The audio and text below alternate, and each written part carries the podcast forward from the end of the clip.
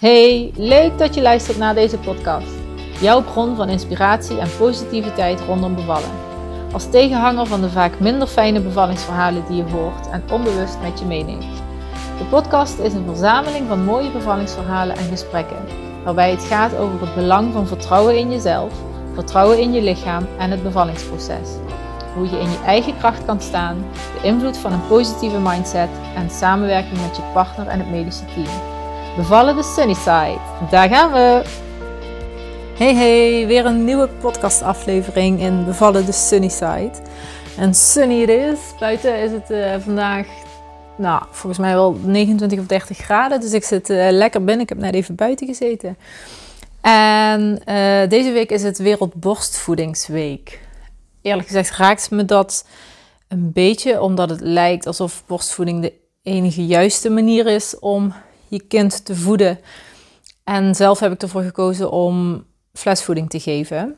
Althans, ik dacht dat ik borstvoeding wilde geven en daar heb ik me ook uh, op ingesteld. En, uh, maar ik merkte kort voor de bevalling al dat, dat, dat me dat toch niet goed zat. Op de een of andere manier voelde dat niet goed. En dat vond ik heel vreemd, omdat ik zelf heel erg ben van uh, ja, moeder natuur, bij bevallen alles zo natuurlijk mogelijk. En ik hou niet van medicijnen. En ik, ik, ik ga liever eerst naar de homeopaat dan naar de huisarts. En uh, dus ja, de meest logische optie voor mij, de meest logische keuze voor mij, zou zijn geweest borstvoeding. En ik merkte voor de bevalling al dat het me dat niet helemaal lekker zat. Dat ik twijfelde over die keuze. En toen heb ik besloten om het gewoon op me af te laten komen.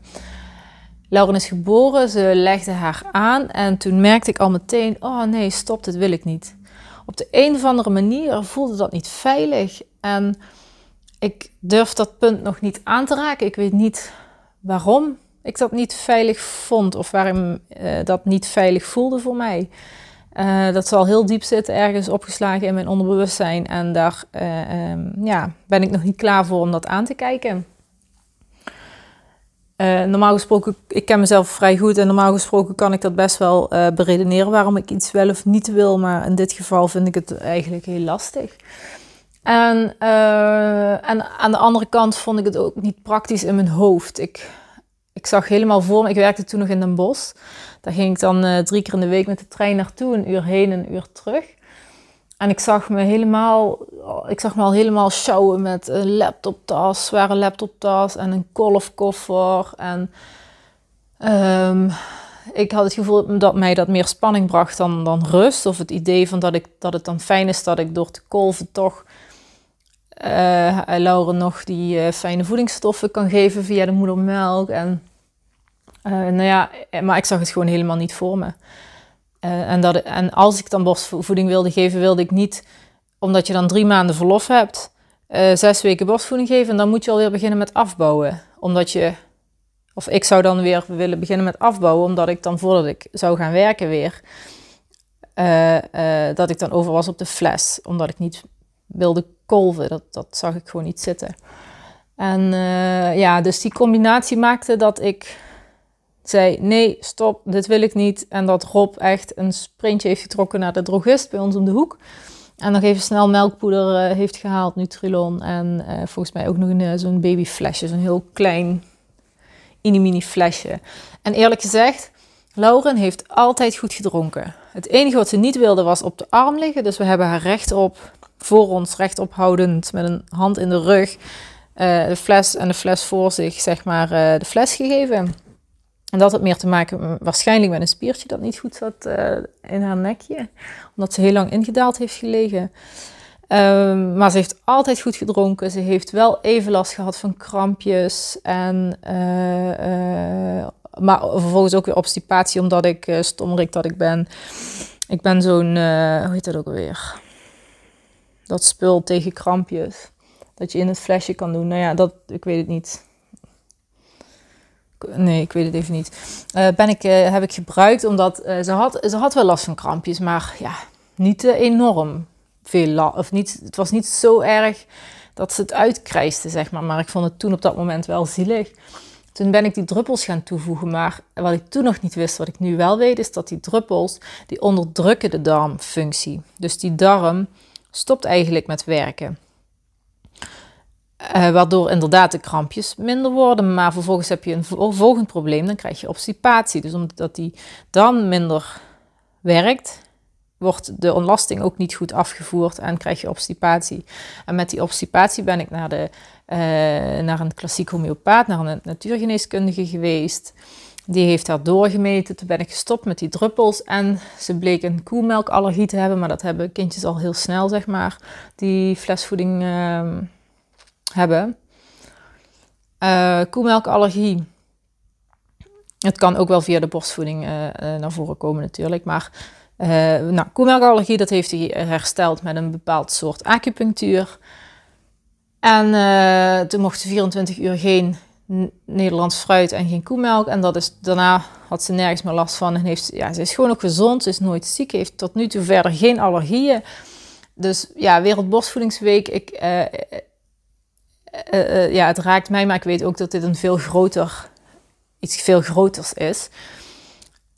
natuurlijk, vanuit de Wereldgezondheidsorganisatie is dit uitgeroepen tot de Wereldborstvoedingsweek. En het idee daarachter, zeg maar, of de um, motivatie erachter is dat ze vrouwen meer hulp willen bieden of dat er meer mogelijkheden moeten zijn voor vrouwen die borstvoeding willen geven, dat ze daarin gecounseld worden. Counseling stond er in de omschrijving van de WHO. En dat ze dus veel meer support krijgen bij het borstvoeden en dat op gang brengen om, om daar de rust, ontspanning, de privacy, eigenlijk de randvoorwaarden voor borstvoeding zijn hetzelfde als de randvoorwaarden voor een fijne bevalling. Dat is ontspanning, privacy, rust, een gevoel van veiligheid, een gevoel van vertrouwen en geliefdheid. Dat, dat, dat heb je nodig, wil jij, wil die goed op gang komen. En, uh, uh, en of net als ik, ik voelde me ergens dus niet veilig genoeg om borstvoeding te geven. En het maakt je geen slechte moeder. Ik heb me ook nooit eigenlijk een slechte moeder gevoeld daardoor. Uh, het is meer dat, dat ik wel denk van wat zit er nu bij mij waardoor ik die borstvoeding niet wilde geven, dat ik daar zo, zo op reageerde. Best wel heftig. Ik kon ook niet anders dan daarnaar luisteren. Naar dat gevoel. Uh, is ook een stukje innerlijke wijsheid. Alleen denk ik dat ik daar wel nog een keer ooit iets mee moet om dat te onderzoeken. Maar nou ja, dat nu nog niet. um, maar het maakt je geen slechte moeder als je kiest voor flesvoeding, al, al is het een praktische reden.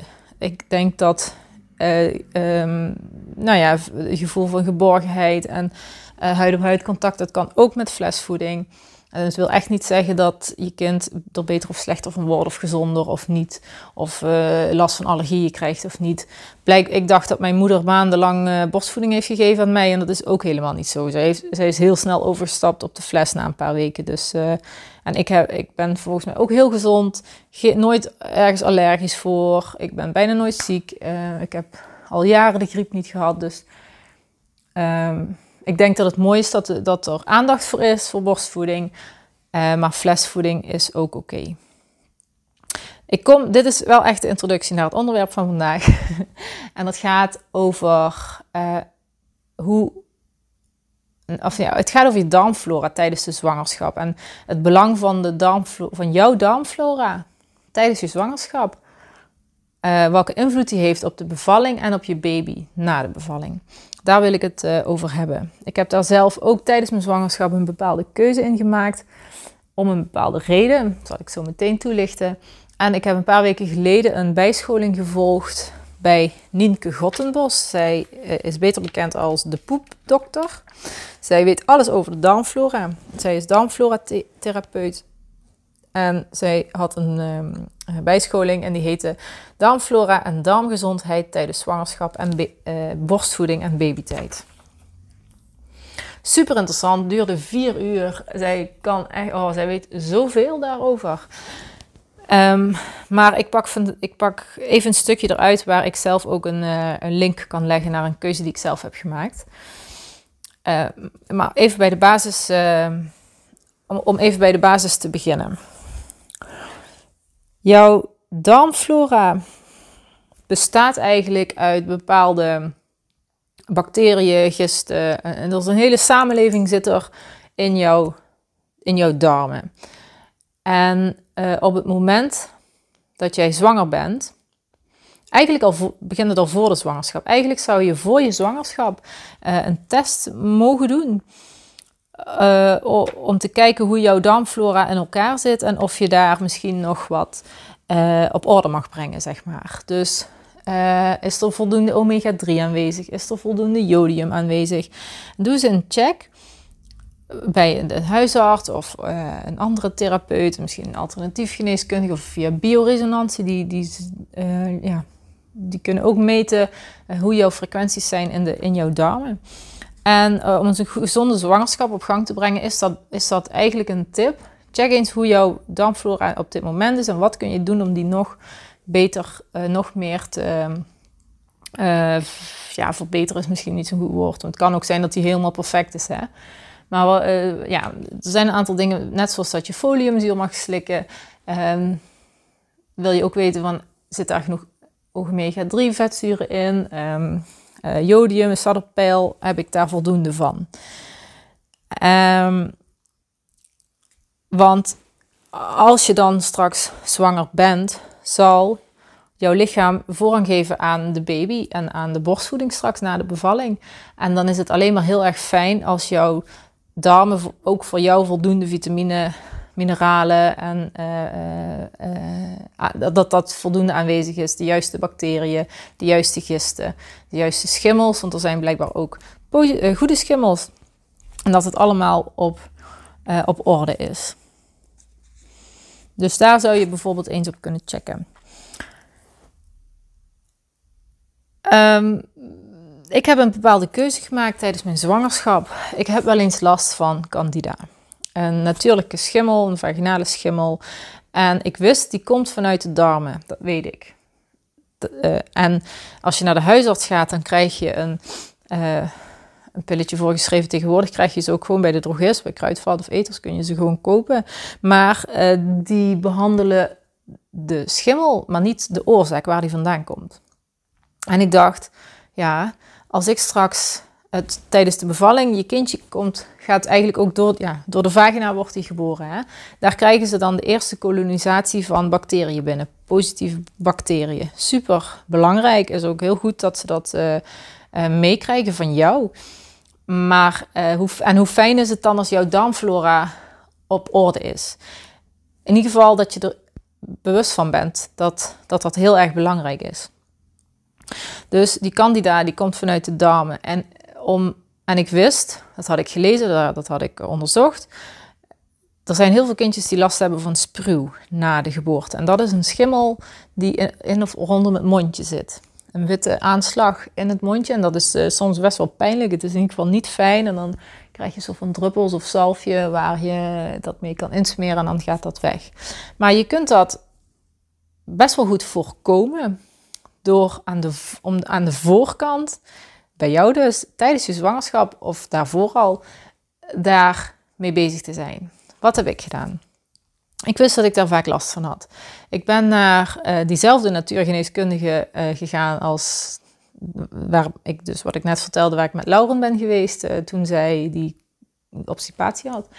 Tijdens mijn zwangerschap ben ik bij hem geweest. Ik heb hem verteld, ik heb vaak last van candida. Ik wil voorkomen dat Laurens spruw krijgt na de geboorte. Wat kan ik nu al doen om mijn darmen zo goed uh, te voeden of op orde te krijgen dat ik zoveel mogelijk kan proberen om dat te voorkomen. Dus hij heeft mij enerzijds uh, druppels gegeven tegen de candida om die in de darmen te, op te lossen. En uh, hij heeft mij probiotica gegeven, probiotica pillen. Voor een goede darmfunctie, om dat daarna te onderhouden. Als je probiotica is altijd goed hè, voor de darmen. Maar je zult eerst de oorzaak moeten aanpakken in de darmen, wil probiotica effect hebben. En langdurig effect.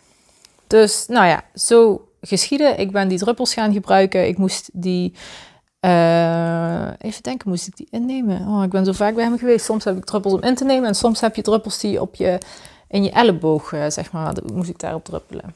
Ik weet het even niet meer of dit nu innemen was of druppelen op de elleboog. Uh, dus ik ben daarmee begonnen en in die tijd waren er nog een aantal vrouwen met mij zwanger.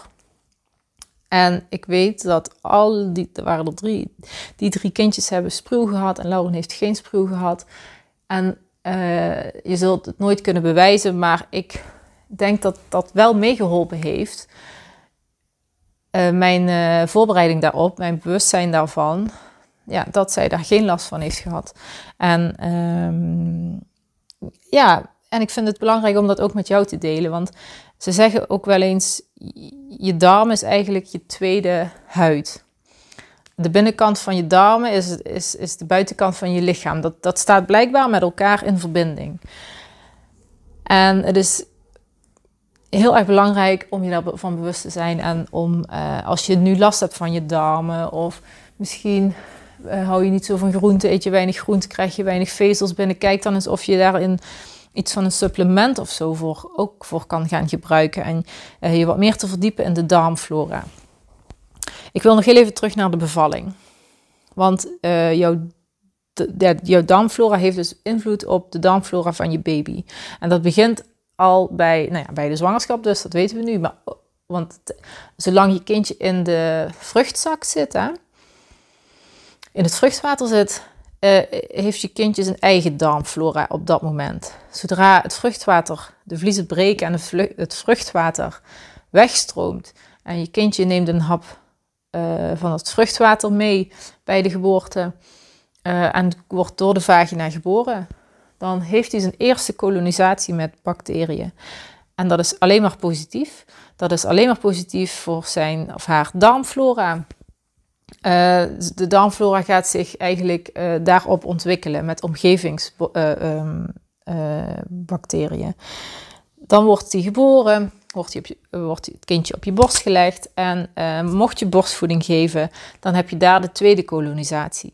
Je borstvoedingsflora, je borstflora is ook weer een bepaalde flora met bacteriën en gisten en schimmels die die jouw kindje weer in zich opneemt. En dat helpt weer mee in de ontwikkeling van, uh, van zijn of haar darmflora.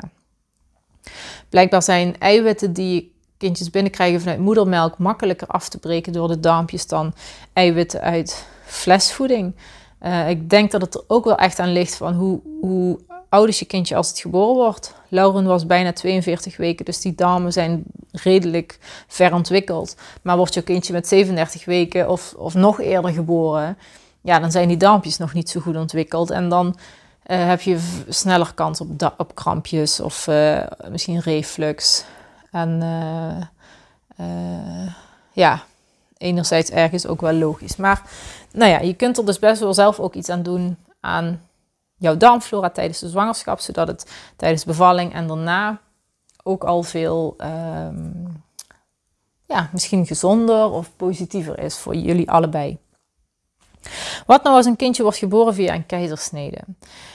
Dan, krijg, dan maakt hij de gang door het uh, geboortekanaal niet, dus niet door de vagina, heeft hij eigenlijk niet die eerste kolonisatie van de moeder. Dan heeft hij de eerste bacteriën, krijgt hij van degene die hem aanneemt. Dus dat is het medische personeel. Op zich niet per se erg. Uh, het is gewoon niet, ja, het is niet erg. Het is namelijk zoals het is.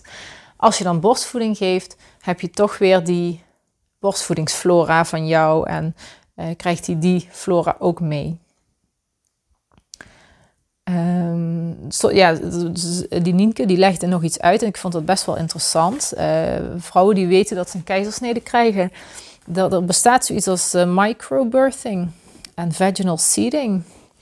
En dat betekent dat ze een uh, steriel gaasje. Even kijken, ik zoek het heel even op in mijn boekje. Uh, waar stond het nou? Oh, hier. Oh ja. Ja, dat ze eigenlijk een steriel gaasje uh, ongeveer twee uur voor de keizersnede brengen ze aan in de vagina. En uh, dan uh, vegen ze even wat rond en dat laten ze eventjes zitten. Dan uh, halen ze dat eruit, bewaren ze hygiënisch. En direct na de geboorte smeren ze daar het kindje in, mee in. en vooral ook het mondje. Want ja, het is gewoon belangrijk dat zij via de mond die, die bacteriën eigenlijk binnenkrijgen van jou.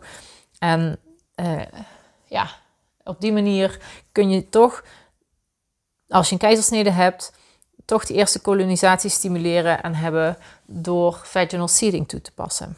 Ik vond het een heel interessante manier. Uh, het kan alleen als je verder geen infectieziektes hebt. Hè? Dus als je uh, bijvoorbeeld, uh, als jij bijvoorbeeld corona hebt, dat is een infectieziekte die ook in de darm voorkomt.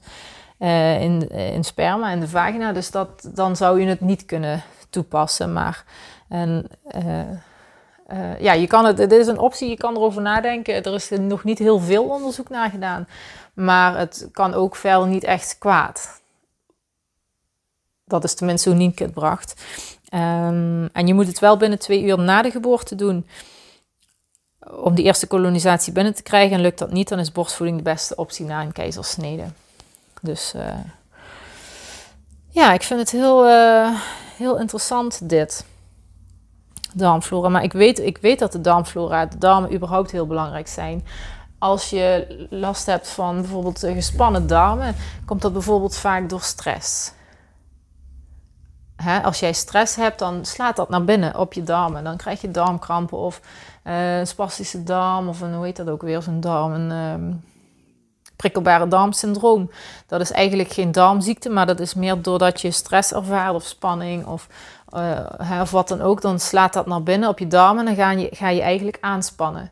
En kunnen je darmen niet zo makkelijk meer bewegen en dan krijg je darmkrampen en dan uh, gas, uh. En ja, daar kun je echt heel veel last van hebben.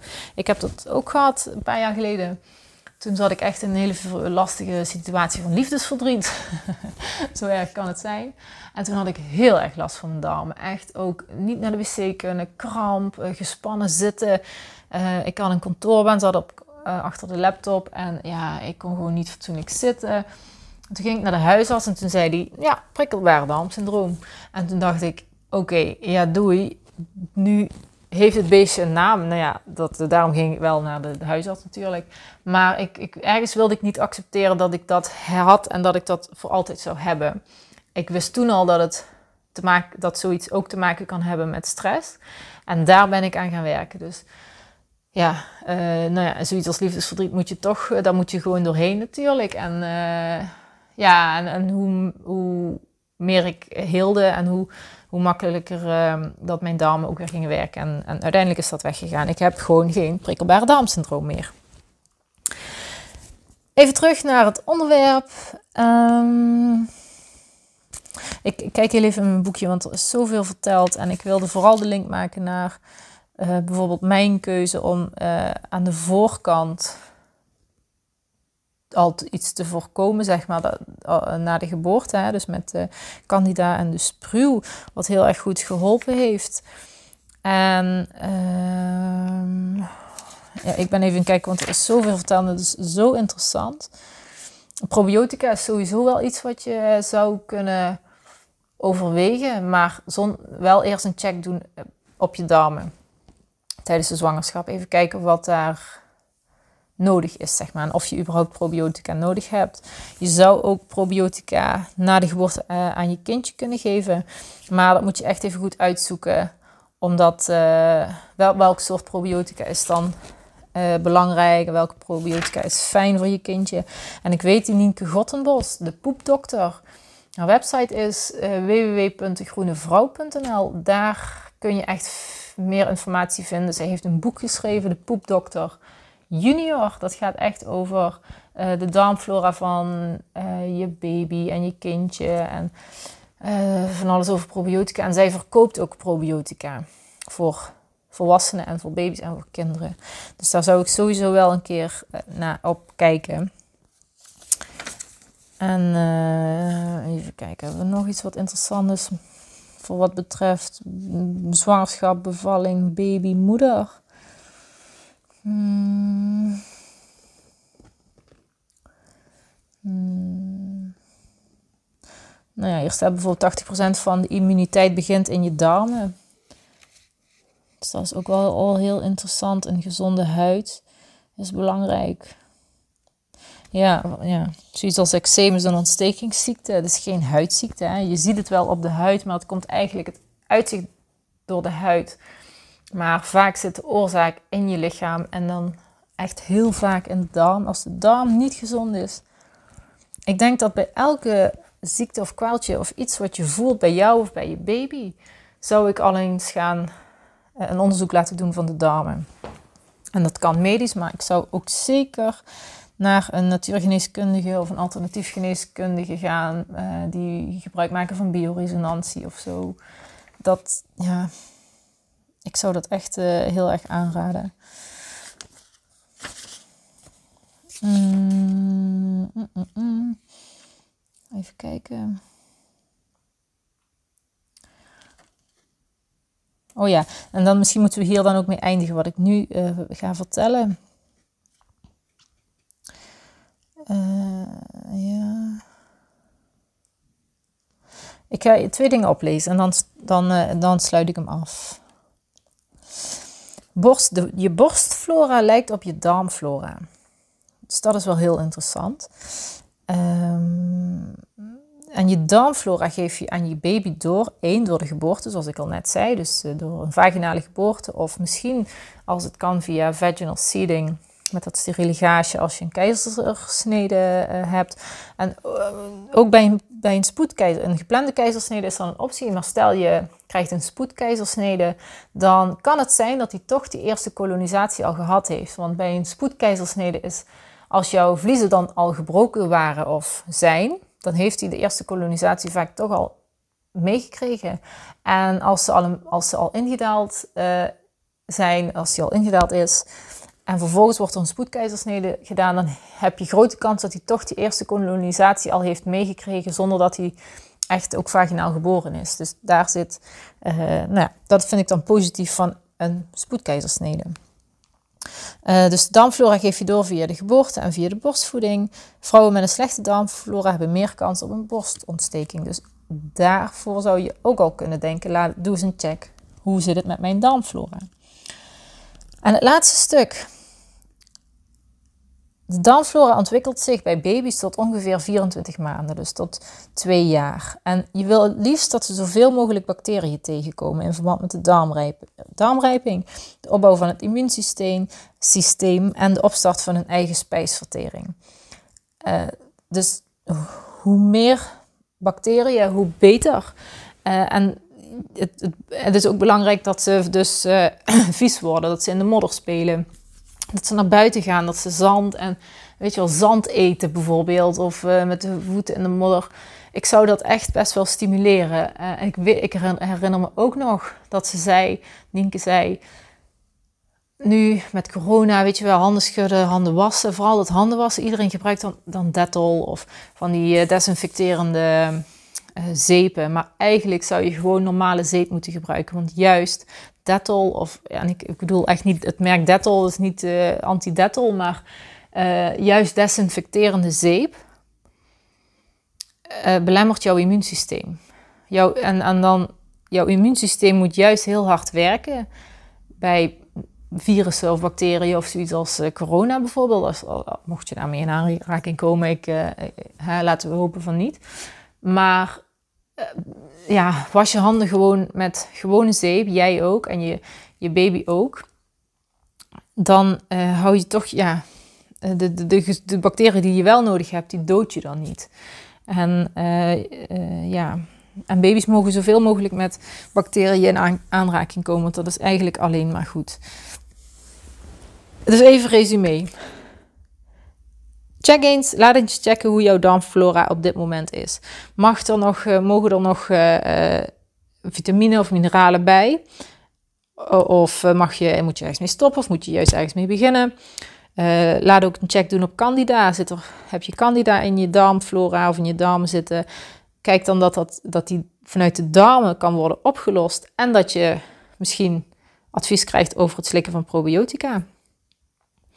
Uh, vooral om bijvoorbeeld spreeuw te voorkomen. Want die spreeuw, die bacterie, die candida-bacterie, die lopen ze dus op of die, nemen, die nemen ze mee tijdens de geboorte. Die bacterie zit dan in die eerste kolonisatie en zo krijg je, krijgt je kindje dat mee. Als hij het krijgt, is het niet erg, hoef je je niet schuldig over te voelen. Dat is echt, dat is ook eigenlijk wel weer de natuur natuurlijk. Uh, maar goed, hè? Ik geef je de tip. Ik heb hem gebruikt. Ik ben er heel blij mee geweest. En wellicht kun je er iets mee. Dus check Candida. En um, ja, en vervolgens, als je kiest voor borstvoeding, dan heb je in ieder geval die tweede kolonisatie. Maar ik denk ook als je kiest voor flesvoeding, is dat ook helemaal prima. En je kindje krijgt zijn darmflora ontwikkelt zich toch wel. Er zijn alleen een aantal dingen waar je, uh, ja, waar, die daardoor positief worden beïnvloed. Uh, bacteriën van de vader uh, moeten ze ook meekrijgen. Want je gaat eigenlijk alle bacteriën die, bacteriën die in zijn of haar omgeving zijn, moet hij meekrijgen. Wil zijn, en dan gaat zijn darmflora en zijn immuunsysteem en de rijping van de darmen gaat zich daarnaar ontwikkelen. En ja, voelt zich prettig in jouw omgeving, in jullie omgeving. Dus dat eigenlijk. Een heel lang verhaal. Oh, ik hoop dat het uh, te volgen was. Ik ben ook heel benieuwd hoe jij dat. Uh, uh, misschien ben je al bevallen als je luistert. De meeste die deze podcast luisteren zijn zwanger. Maar uh, misschien heb je al eerder een kindje gehad. ben je daarmee bezig geweest? Of ik ben eigenlijk wel heel benieuwd hoe jij daarmee omgaat. Of is dit eigenlijk nieuwe informatie voor je? Laat me dat, laat me dat weten. En um, ja. En ik ben ook wel benieuwd voor volgende podcast onderwerpen. Wat zou je leuk vinden? Waar uh, moet ik het over hebben? Um, is er informatie die je mist? Of uh, zijn, ja, zijn er eigenlijk dingen die, nu, nu je zwanger bent, zijn er dingen die je mist voor jezelf? Op, misschien op emotioneel vlak of op um, fysiek vlak of kennis over de zwangerschap of de bevalling ik weet het niet. Laat me weten. Ik vind het leuk om uh, inspiratie te krijgen en, en, te horen wat jij fijn vindt om te horen. Dit was het voor vandaag. Een stukje eh, hoe, hoe, welke invloed heeft jouw darmflora op die darmflora van je baby en hoe, hoe kun je daarmee omgaan, zeg maar. Hoe kun je die positief beïnvloeden? Um, nou, ik laat het erbij. Ik wens je nog een hele fijne dag en uh, ik spreek je snel. Doei! Ik hoop dat deze aflevering je heeft geïnspireerd. Neem mee wat je mee wilt nemen, wat bij je past. En laat achter wat je achter wil laten, wat misschien niet helemaal bij je past. Jouw bevalling doet ertoe. Bedankt voor het luisteren. Ik zou het heel leuk vinden als je een screenshot van de aflevering maakt of me tagt op jouw social media, zodat we nog meer mama's positief kunnen inspireren. En uh, ik vind het natuurlijk ook gewoon leuk om te zien wie er luistert. Bedankt en tot de volgende keer.